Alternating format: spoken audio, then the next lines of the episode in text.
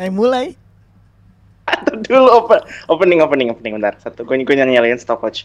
Satu dua tiga. Halo. Iya halo. Kayak orang telepon. Yuk, eh, balik lagi ke podcast sekarang udah ada namanya ya, Dialog Universe.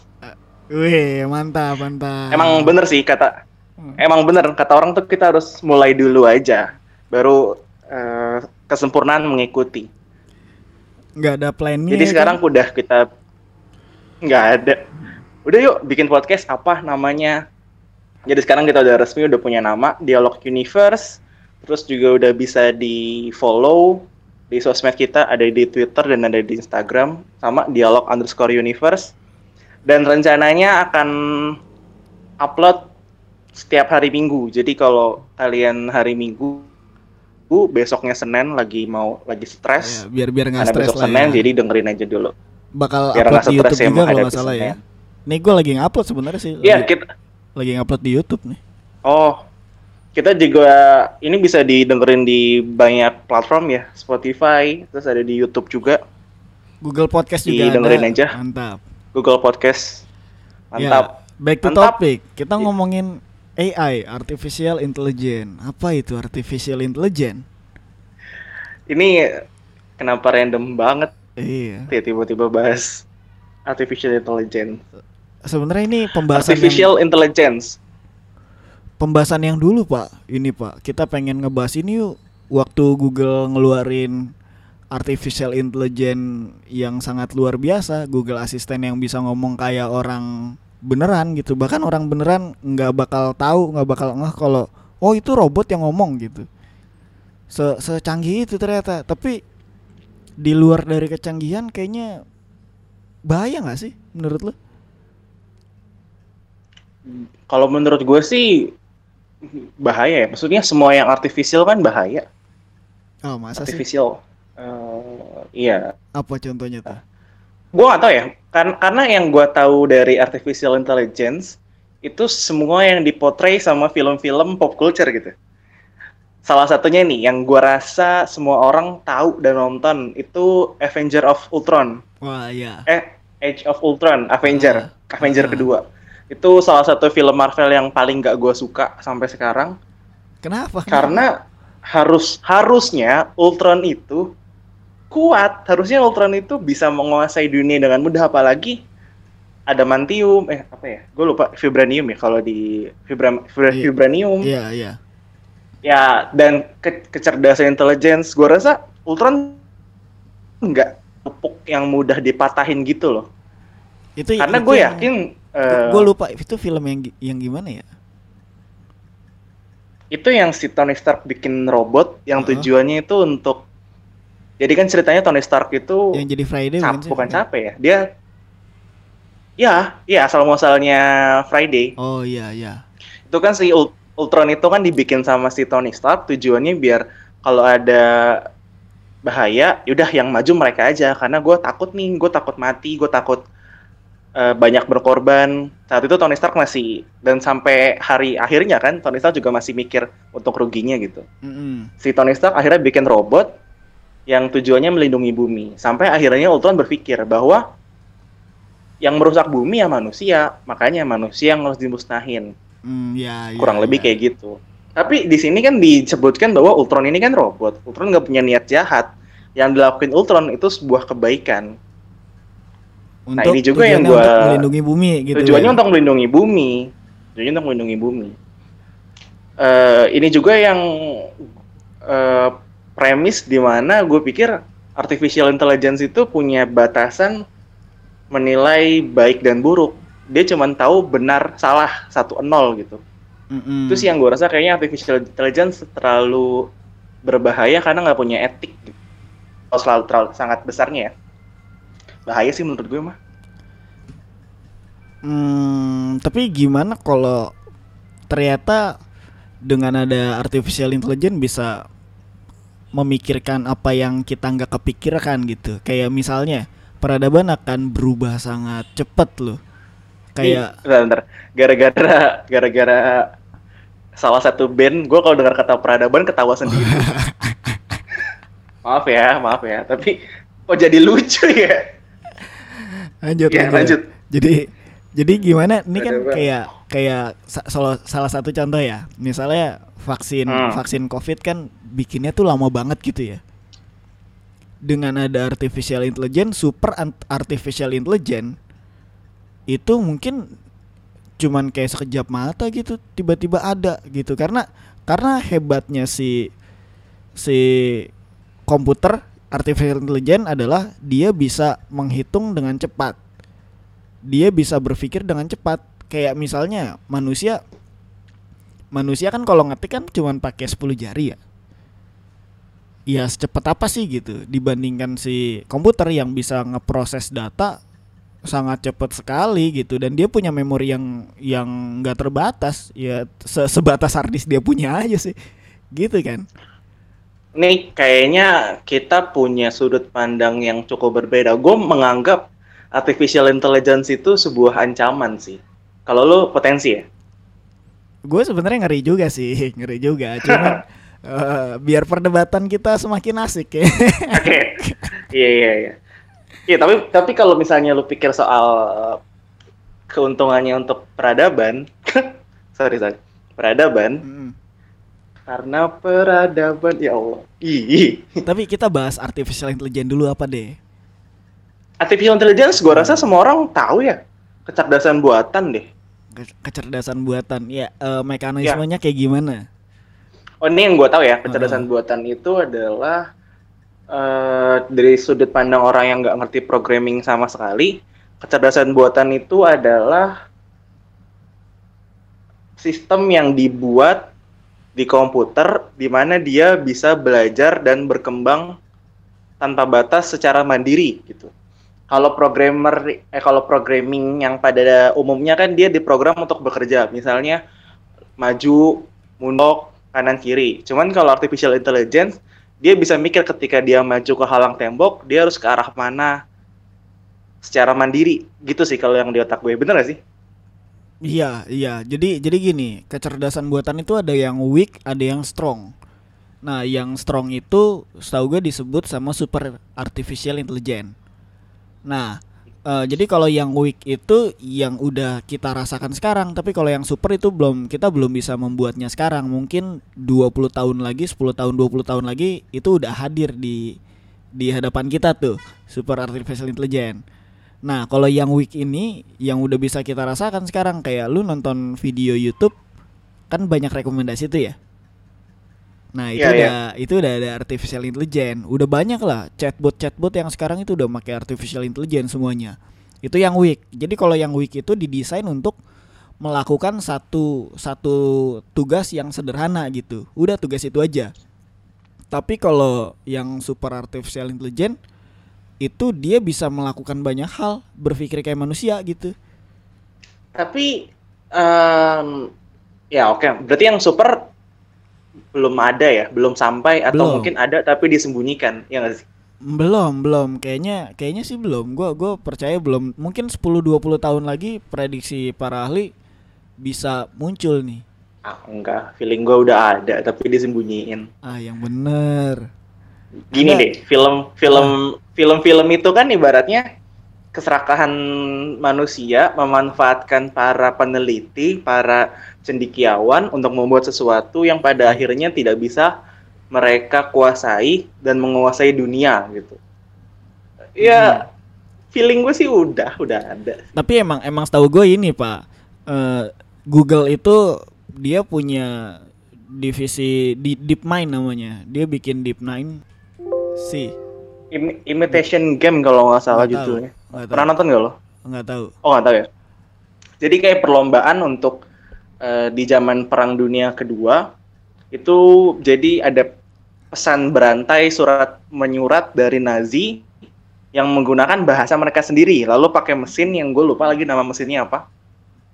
Terus eh, jadi surat itu perlu ditranslate menggunakan mesin itu.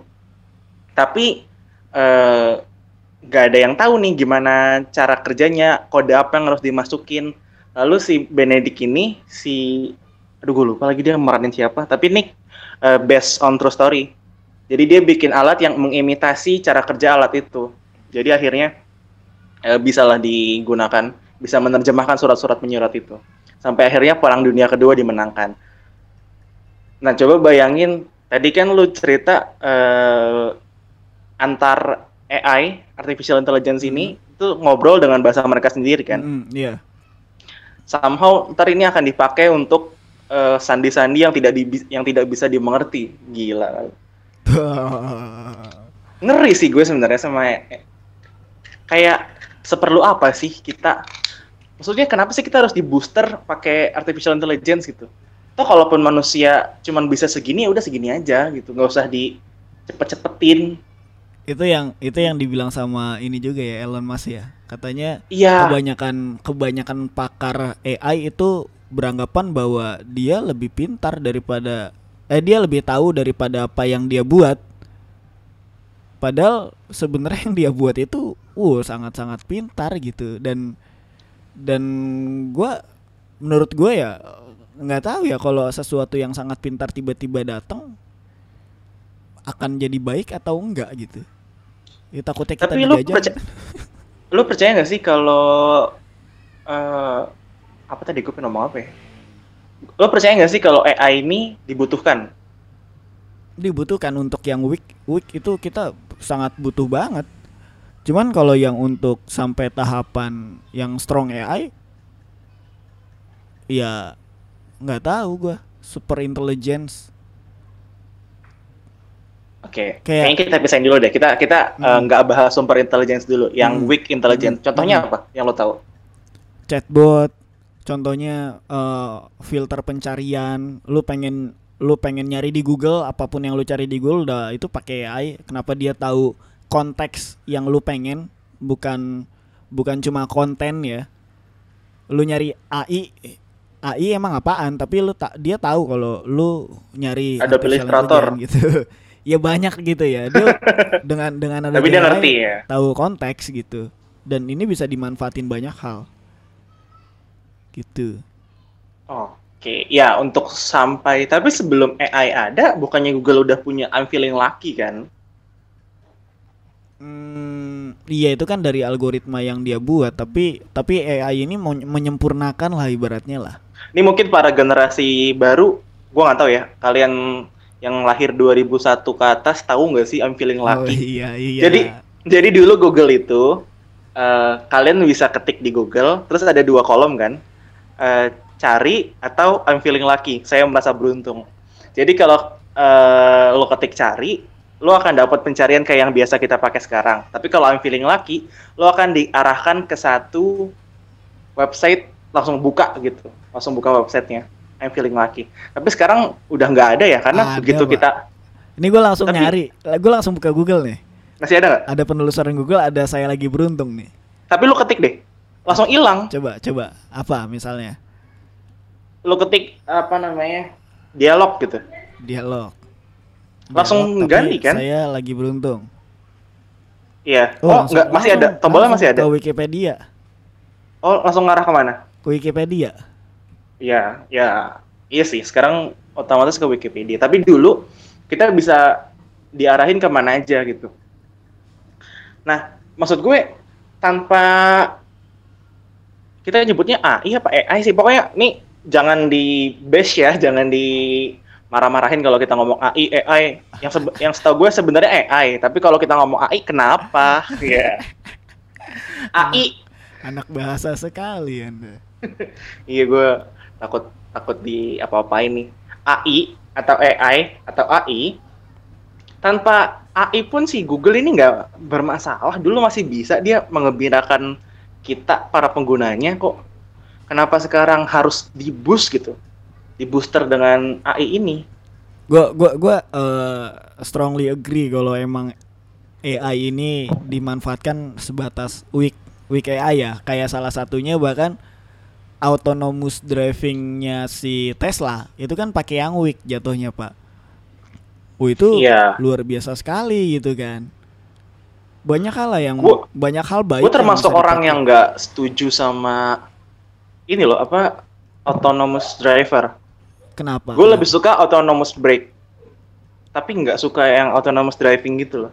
Kayak sebenarnya manusia nggak butuh auto driving. Manusia tuh nggak perlu kemewahan yang sebenarnya membuat kita terlena. Ini salah satu efeknya ya. Ketika semuanya sudah dibiasakan sama AI yang otomatis, kita semua akan jadi manusia-manusia di film Wall-E, tau nggak? Iya, iya. Gendut, nggak bisa ganti baju, nggak bisa ngapa-ngapain. Ada orang berdiri di respect, karena mereka nggak pernah lihat orang berdiri sama sekali. Gue ngerasa manusia nggak perlu kemudahan-kemudahan yang pada akhirnya, tapi mungkin gue gue pernah ini nih, gue pernah dengar salah satu omong kalau nggak salah yang ngomong Andriono Colby kalau nggak salah. Ini orang-orang kayak gue ini orang-orang yang kalau zaman batu mati duluan nih, gara-gara gengsi nggak mau pakai api. Iya ah gue nggak mau pakai AI buat apa sih selama ini hidup gue baik-baik aja. Kalau gue zaman dulu ada orang yang nemuin api, apa sih api dingin tuh ditahan, dia mati, mati duluan gue. Dingin ditahan. apa sih apa sih makanan dimasak? Makanan mentah aja lemah loh. Nanti keracunan gue. Iya Iya, sulit iya. juga ya. Sulit juga. Ya mungkin karena perubahan selalu ada yang nggak suka dengan perubahan itu sendiri ya. Ya mungkin mungkin di beberapa ranah sih ya. Kayak gue ya mungkin kalau lu nggak setuju sama hal-hal yang terlalu memanjakan manusia ya it's okay gitu. Tapi kan ada banyak ranah yang sebenarnya lu butuh itu untuk mempermudah. Iya. Kayak kayak kayak mungkin di tahap analitik kali ya. Eh lu lu butuh sesuatu pengolahan data yang sangat super kompleks banget gitu ya untuk menghindari menghindari adanya kesalahan karena manusia sumbernya kesalahan dan lalai ya kan? Iya. Eh mungkin itu bisa dimanfaatkan. Mungkin di akuntansi butuh AI gitu kan? Atau misalnya gini tulis sistematika terus tulis tema tulis nama pembimbing jadi skripsi gokil auto generate konten itu mah. Langsung jadi skripsi ya, kita tinggal sidang. Iya ya tema ya. Eh tentukan variabel pertama dan variabel kedua. Ah, nggak usah ribet. Ada AI kok. Masukin judul aja judul udah. Ya kan kalau judul kan harus nulis variabelnya dulu dong. Iya iya. Eh, aduh. Iya gue jadi mikir lagi sih. Gue takut jadi orang yang gue jadi, gue jadi takut manusia purba yang anti api tau nggak? Ntar gue mati sendiri. Gengsi. Tapi memang mungkin gue nggak sadar kalau AI udah membantu gue tapi gue nggak anti AI gue takut sama perkembangan AI mm, ya Salah satunya nih yang sempat lu tunjukin ke gue, salah satu akar dari asal muasal kenapa kita bikin video ini kan, lu nunjukin kalau Google Translate itu bukan Google Translate, mungkin bukan produk Google Translate ya, atau Google Translate sih, Google Assistant yang dia Google bikin, Assistant iya, yang dia bikin diterjemahin pakai bahasa Inggris gitu. Hmm, Google Assistant namanya Itu Google Assistant ya. Iya, salah satunya itu kan. Terus lu bilang, wah Lan, percuma lu belajar bahasa Jerman. Di masa depan udah nggak perlu tuh penerjemah. Gua di satu sisi gua nggak ngerasa tersaingi karena pertama pasti ada gap antara ini ya antara sistem penerjemahan pertama nih. Kedua, gue yakin penerjemahan robot itu tidak manusiawi gitu. Tapi di hati kecil gue, gue juga merasa ketakutan. Anjrit, bahasa asing sama AI ini. atau nih kita kita kasih lihat dulu aja kali ya ini Google Assistant pas ngomong ngomong itu kayak gimana? Yang yang perkembangannya ya. Jadi Google Assistant itu bisa bisa booking restoran pak. Ini buat teman-teman yang nggak tahu ya kan? Eh, jadi kan Google kan udah punya banyak layanan ini ya. Banyak dia udah bisa nge eh, ngelis semua bisnis yang ada di wilayah tertentu. Kayak restoran restoran ada di mana aja gitu kan. Dari Google Maps. Terus ada lagi barbershop di mana aja gitu kan. Nah si Google Assistant ini eh, eh, dan kebanyakan orang yang punya bisnis itu nggak punya website untuk booking system nah akhirnya si Google bikinlah Google Assistant yang bisa nelpon si pemilik bisnis untuk bookingin kita gitu eh saya po pengen booking restoran dong buat besok kapan nah ini langsung dengerin aja gimana nih pak Oke, coba-coba. Eh, kita Iya, iya. langsung dengerin. Gua ya. coba. Ini gue punya YouTube ini. See how may I help you? Hi, um, I'd like to reserve a table for Wednesday the 7th. For seven people? Um, it's for four people. Four people when Um, next Wednesday at 6 p.m. Oh, actually we reserve for like upper like uh, five people. For few, four people you can come.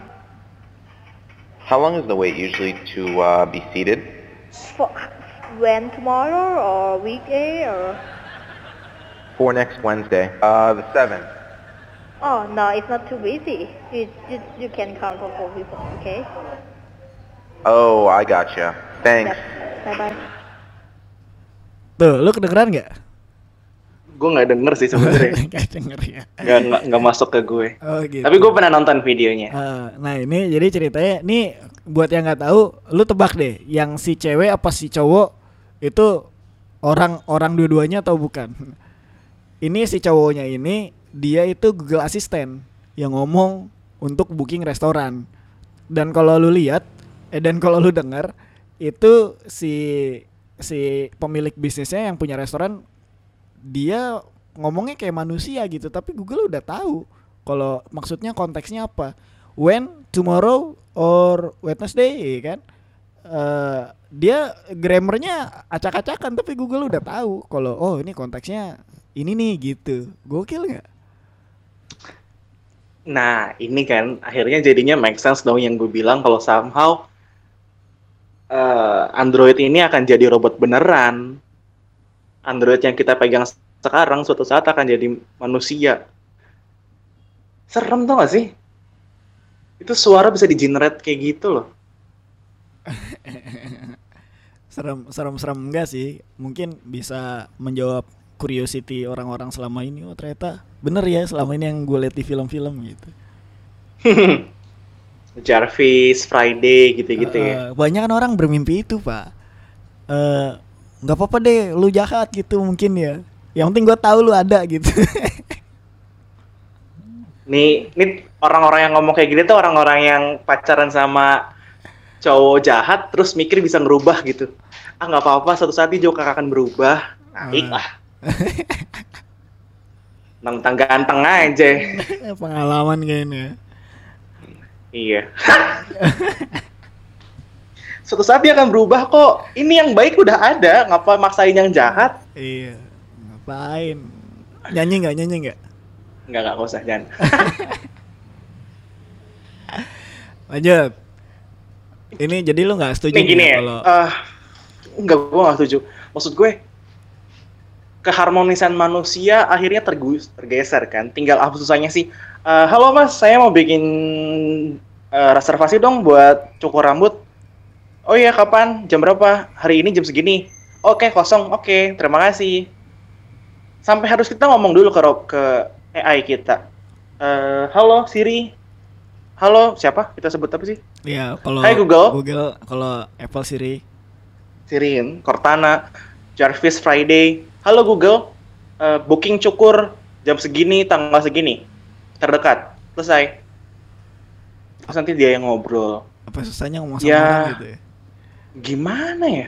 Tapi menurut gue sih Google cuman unjuk gigi aja. Gue gue bisa loh, teknologi gue canggih loh gitu. Hmm. Karena emang Google Assistant yang yang bisa ngomong kayak gini emang gak di launching ke publik.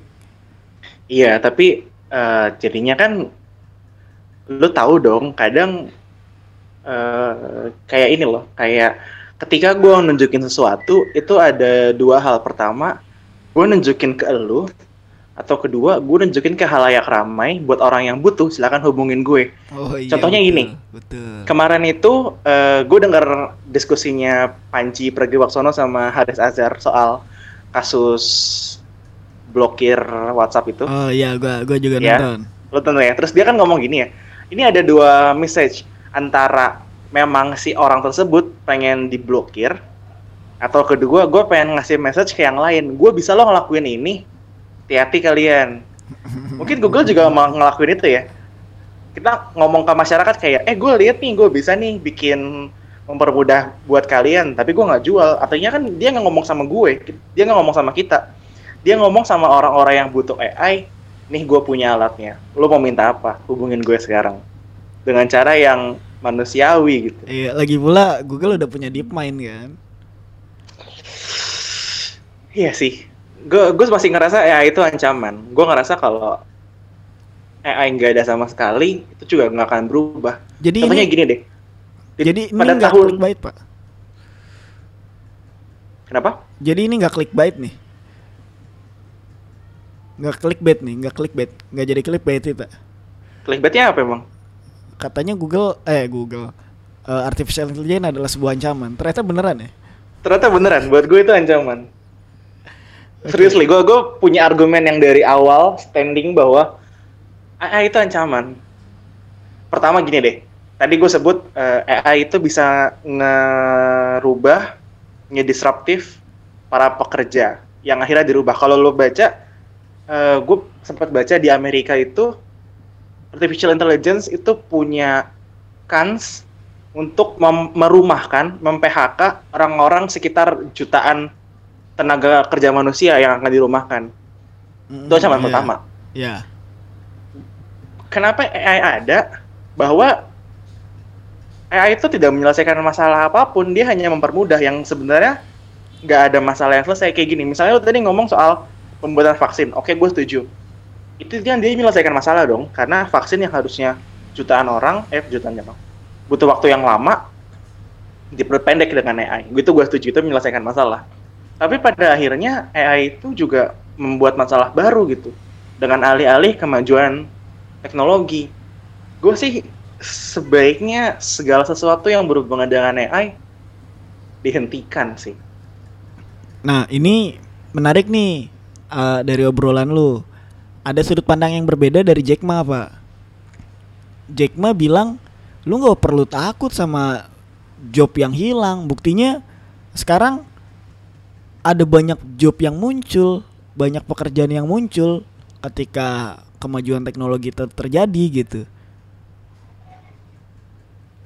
gue juga nggak paham sih gimana ya.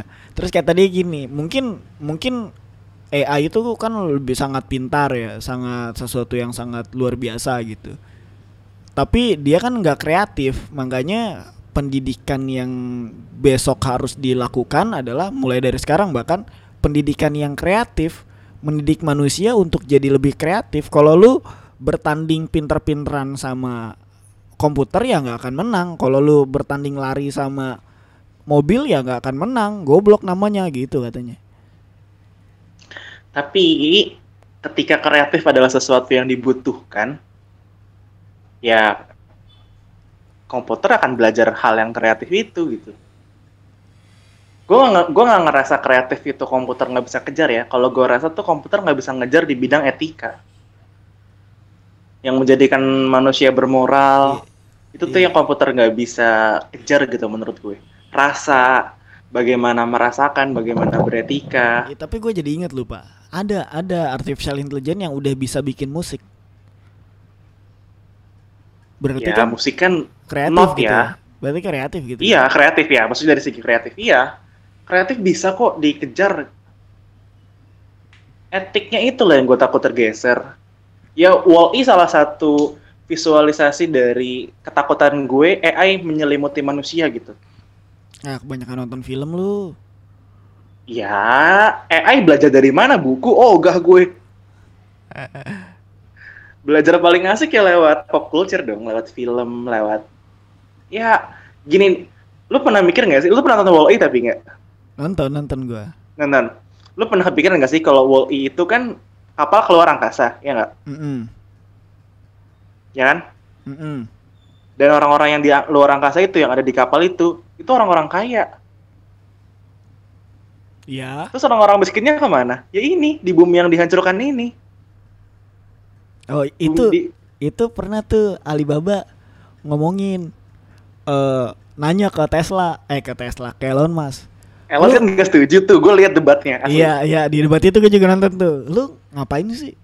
Eh sibuk-sibuk bikin bikin kapal buat berangkat ke Mars? Emang ada apaan di situ gitu? Intinya apa sih yang menarik dari situ? Gue mau mendingan gue mendingan di bumi untuk melestarikan dan membuat sustainable eh, gimana bumi ini bisa berjalan lebih lama lagi gitu. Lu lu berang oke lah lu hebat berangkatin jutaan satu juta manusia ke Mars gitu. Tapi gimana dengan sisanya? Gitu. Iya, makanya itu kan kayak AI ini juga akan akan menggeser. Oh yang lapangan kerja akan ah tetap aja ya. Yang sekarang MCD aja udah. gue pernah ke salah satu McDonald yang nggak ada kasirnya loh. serius Bukan nggak ada kasir ya, nggak ada antrian yang beli di kasir. Semua harus pakai mesin. wow Gue lupa di daerah mana itu. Jadi di mesin-mesin itu, jadi cuma ada satu orang yang ngejagain lima mesin. Gue gue lupa satu atau dua orang ngejagain lima mesin itu. Jadi antrian kita tuh di sana. Kalau gue pengen beli di kasir itu udah nggak nggak nggak bisa gitu. Jadi semua orang fokus di dapur buat masak lebih cepat. Terus eh, satu orang, cuma satu yang harusnya ada lima kasir hilang jadi satu doang. Ya gimana caranya profesi-profesi baru diciptakan sementara orang-orang di luar sana yang mungkin udah terbiasa dengan hidup sebagai kasir, hidup yang sederhana, orang yang nggak punya eh, kemampuan untuk mengejar teknologi bisa ngikut gitu. Lima kasir jadi satu orang doang, itu kan perubahan ekonomi yang drastis loh. Ya, ya ngeri juga sebenarnya sih. Tapi kalau ngomongin ngomongin hal pekerjaan ya, kayaknya nggak cuman ketika ada AI aja pak. Ketika ada teknologi, eh Iya. kan kemarin-kemarin kan banyak ya yang ngomong, oh ojol, ojol ini ngambil pekerjaannya para ojek pangkalan segala macam gitu kan, angkot dan lain-lainnya gitu ya. Terus kalau dipikir-pikir ya, ya lu angkot-angkot ojek-ojek pangkalan dulu juga lu kan ngambil lahan rezekinya orang-orang yang delman gitu beca kan lu ambil juga rezekinya mereka. Iya sih. iya kan? Dan, Ah, dan itu ini selalu juga ini salah iya ini salah satu perdebatan gue dalam kepala gue sendiri ketika gue takut bahwa seorang translator akan tergantikan gue juga mikir lagi. Dulu para penyiar radio itu digantikan oleh para eh, MTV para orang-orang yang muncul di televisi dengan keindahan tubuhnya dengan keindahan suaranya. Ini para penyiar radio akhirnya musnah gitu. Kan ada lagunya kan radio eh, apa sih namanya? Television kill radio star atau apa gue lupa. Intinya ada ada tren itu. Terus gue juga mikir lagi. Ya pada saatnya toh penerjemah atau bukan penerjemah ya istilah istilahnya itu interpretator inter, interpretasi interpretator orang-orang yang menerjemahkan secara langsung dari percakapan ya ini juga cuma sekedar pekerjaan. Teknologi kan nggak pernah mikir ke sana ya balik lagi memang teknologi nggak pernah ada etikanya nggak ada akhlak memang. Berarti yang diantisipasi emang kesiapan kita bagaimana bisa beradaptasi ya?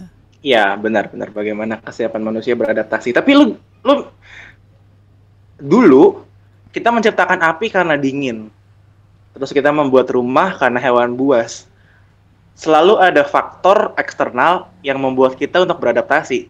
Ini kita menciptakan ancaman kita sendiri untuk beradaptasi. Mikir nggak lu? Kita nggak punya musuh nih. Kita udah nggak punya musuh nih. Gila kita udah punya rumah kita udah punya api kita udah punya kompor gas kita udah punya pakaian yang indah. Shit nggak ada musuh nih. Bikin musuh ah. Mampus lo. Ayo adaptasi ayo ayo, ayo adaptasi. Gila apaan sih? ya. Udah tentram enak-enak ya kan? Ya di- disruptif ya. Ya Gojek juga bisa ngomong kayak gitu. Gojek Grab. Hidup udah tentram udah ada ojek pangkalan dibikin ojek online. Ya balik lagi sih. Tapi gue tetap dalam hati dalam gue jangan sampai jadi manusia purba yang anti api terus gue mati sendiri gitu. Gue harus bisa belajar menerima ini berarti tugasnya siapa nih buat buat antisipasi nih Gak ada, gak ada, gak ada. Bukan tugas siapa-siapa. Siapa yang mau aja, siapa yang mau mulai menerima. ya Eh, Sebenarnya dibanding dibanding tugas siapa beradaptasi, gue lebih mikir tugas siapa untuk menekan semua ini loh. karena- oh harus ditekan ya kemajuan harus ditekan. Jangan jangan Iya, cep- terlalu jangan terlalu cepat gitu ya. Jangan terlalu cepet. Jangan terlalu mengambil hal-hal yang nggak dibutuhkan gitu. Harus ada sih satu. Gue pengen kan kayak gini ya. Contohnya dari corona ini nih. Lu mulai mikir corona ini penting kapan? Gue tuh dari bahkan dari virus yang masih di Wuhan, gue udah takut. Oh, lu lu lu udah takut ya? Iya karena karena kemarin kan gue lagi dari lagi dari zamannya di Wuhan kan gue pengen bawa anak-anak untuk kompetisi kan ke Singapura ya, sama ke Hmm. Taiwan pak. Oh iya. Iya itu udah daftar tuh anak-anak tuh. Tapi yang udah yang udah fix mah yang udah udah pasti banget tuh Singapura. Iya. Eh Singapura Malaysia Dan- pak Malaysia. Oh Malaysia, ya deket juga lah Malaysia Singapura. Tapi ini kan mungkin karena lu ada urusan sama negaranya ya. Buat Mm. kita kita nih yang nggak ada nggak punya negara yang berhubungan dengan Cina sana.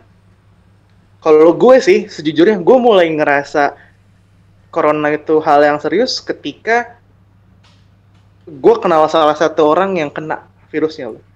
Atau dunia Wow. tuh mulai mandang penting ketika eh, Tom Hanks itu kena kena virus corona, kena COVID-19.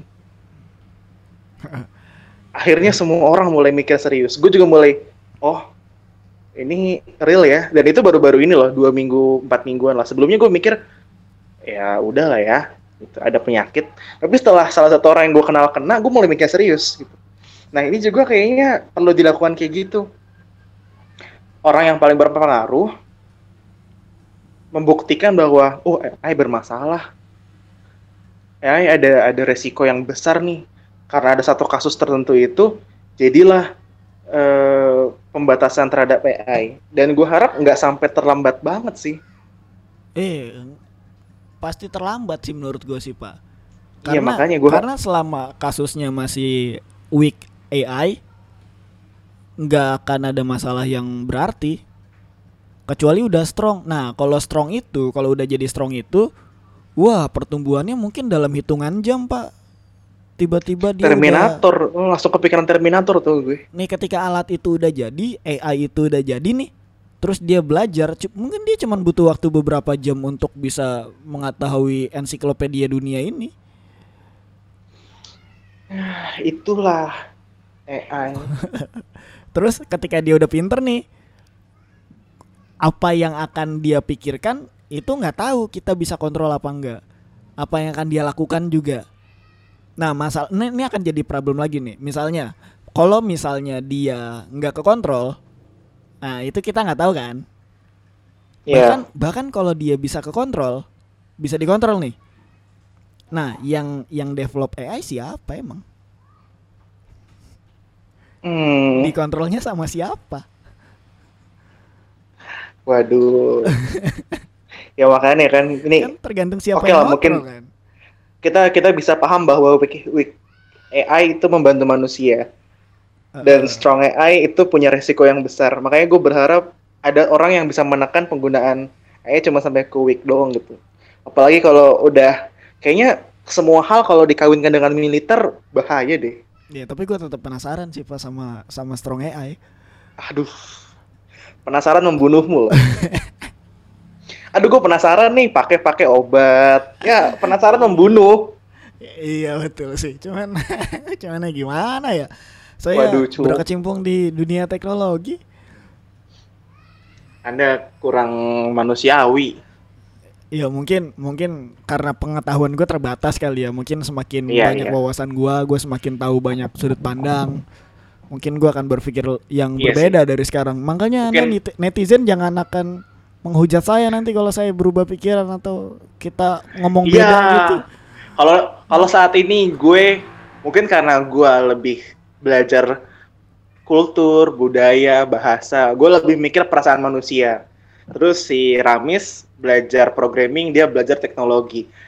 Gue nggak setuju, Ramis setuju. Suatu saat kita berubah kedudukan nih jangan dibully. Orang kan berubah, orang kan belajar. Iya. Makin wawasan makin bertambah ya nggak? Pola pikir eh, siapa- berubah. Siapa tahu suatu saat gue egois dan gue pengen punya AI, atau Rambis mulai manusiawi pengen anti AI kan nggak tahu gitu. Jadi tapi kayaknya nggak mungkin lah ya. Nggak gue anti AI kayaknya nih. Nggak tahu ya kan. Siapa tahu anda butuh AI gitu kan. Coba contoh situasi yang menurut lo sangat surgawi dengan AI apa? Eh, gua gua nggak tahu ya, tapi tapi gini. AI itu kan bisa belajar ya. Metode belajarnya dia tuh unik. Kayak kalau lu nonton Naruto, dia bisa Taju Kage Bunshin Ninjutsu. Aduh gue nggak Bi- nonton Naruto asli asli sumpah. Sorry netizen tapi gue nggak pernah nonton Naruto satupun. Dia bisa mengcopy dirinya jurus seribu bayangan, Pak. Nah, ketika dia Iya. udah jadi seribu bayangan, dia belajar tuh di situ tuh. Belajar dari pengalaman kan kata orang-orang kan belajar paling bagus dari pengalaman ya. Nah, Iya. dia udah dia mengcopy dirinya seribu biji, dia belajar dari pengalaman dia terus dijadiin satu lagi. Bes pas jadiin satu lagi, pengetahuannya tuh langsung kayak seribu pengalaman gitu tiba-tiba dalam satu waktu. Kalau manusia kan cuma bisa belajar satu hal dalam satu waktu. Nah, robot Secara ini linear ya. Iya, robot robot ini secara dalam waktu yang sama bisa belajar banyak hal, ribuan, jutaan mungkin. Nah, eh ketika itu terjadi gitu ya, misalnya ada banyak masalah-masalah yang yang di dunia ini yang nggak bisa terselesaikan, kayak misalnya perubahan iklim. Gimana cara ngatasinnya? Ya mungkin AI bisa bantu gimana cara ngatasin virus-virus yang nggak ada vaksin sampai sekarang yang paling dekatnya gitu ya mungkin dalam hitungan menit bahkan tiba-tiba oh ini aja begini caranya gitu karena dia udah tahu udah punya banyak literasi segala macam itu si artificial intelligence kelebihannya di situ cuman kan itu kalau yang dipikirin sama dia hal-hal yang baik ya tapi kalau yang lu bilang tadi menurut film gimana kalau dia berpikir bara- bahwa manusia yang merusak Iya. Gue tapi gue pengen bikin pernyataan kontroversial sih. apa tuh? Gue gue takut AI sama komunis itu sama. Sama-sama bagus di teori. Sama-sama bagus di teori, prakteknya mah enggak. ini, ini jangan dikat nih, gue siap mempertanggungjawabkan percakapan ini. siap Bagus di teori mereka. Takut gue. iya karena karena kalau lu ngomong macam-macam paling aneh-aneh Terminator kan Terminator. Ayo, mau ngapa lagi lo? giliran nih strong AI udah ada ya kan terus dia dengerin podcast lu tuh ya kan dicari lu tuh Cari. Jadi gini, nih yang dari otak gue ya. Ketika strong AI, ini kita kayaknya udah harus sampai ke akhir nih. Kita udah hampir 50 menit. Ah, Di iya. otak gue, AI itu akan menimbulkan dua kemungkinan. Pertama Terminator, kedua Wall-E. Lu mau pilih yang mana?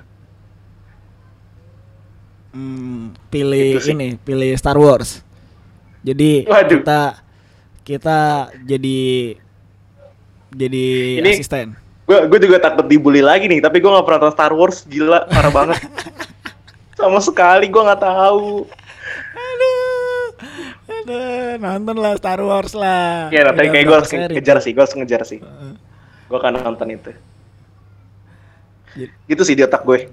Lo mau Terminator atau lo mau Wall-E? Lo mau jadi orang kaya yang akhirnya gendut dan gak berguna, digantikan oleh robot, atau lo mau Terminator dijajah oleh robot?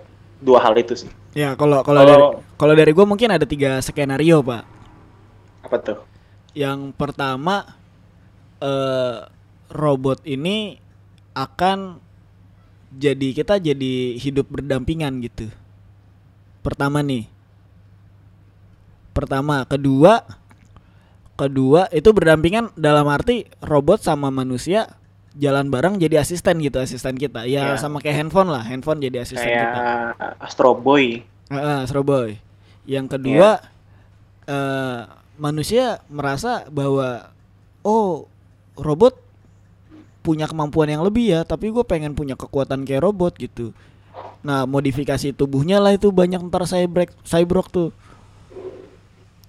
Jadi nanam nanemin chip apa segala macam biar punya kemampuan khusus di di tubuhnya gitu ya. Ini Iya. menurut gua aja nih ya. Nah, yang Iya. ketiga skenario ketiga adalah ya mungkin robot akan menggantikan manusia. Oke. Iya, Dan- iya. Dan kita nggak tahu tuh skenario yang mana. Atau mungkin teman-teman ada yang menambah skenario baru, silakan. Iya, buat teman-teman yang juga punya ilmu yang lebih, pengalaman yang lebih banyak, lebih kaya dari kita, mungkin bisa tulis di sosial media kita, ada di Instagram, ada di WhatsApp, atau bisa kirim email ke kita kalau nggak biasa pakai sosial media. Email ke mana? Gimana sih menurut kalian perkembangan AI? Email ya, emailnya di dialog dialog.universe@gmail.com. Oke, mantap. Kalian Udah dibuat ya? email. Sudah udah dibuat, udah rapi semuanya. Mantap. Udah paling gitu aja kali ya kesimpulan kita Iya, ya. kayak gitu aja. Sama nanti Kita- mungkin kalau kita punya kenalan orang yang lebih ahli di bidang AI, kita akan undang kali ya. Hmm, atau teman-teman ada yang ahli AI dan mau nimbrung silahkan. Iya. Dan kita kan podcast baru ya, mungkin ketika teman-teman dengar ini kita udah berjalan 6 episode atau 7 episode, nggak apa-apa, komen aja. Kita tahu kita belum populer sekarang, komen aja. Ya kan nggak tahu ya, siapa tahu orang-orang yang denger ini nanti di dua minggu, tiga minggu kemudian kan nggak apa-apa, komen aja kita butuh kok insight baru dari kalian. Oke, udah gitu aja. Thank you teman-teman udah dengerin kita selama 40 menitan ini ya kan. Bacot panjang lebar walaupun kita bukan ahli tapi ya kita Kita bukan ahli. Kita pengen berpendapat, masa nggak boleh berpendapat mah ya nggak? Iya, masa nunggu pintar dulu berpendapat? Iya. Susah dong. Yaudah, thank you teman-teman. Bye bye. Bye.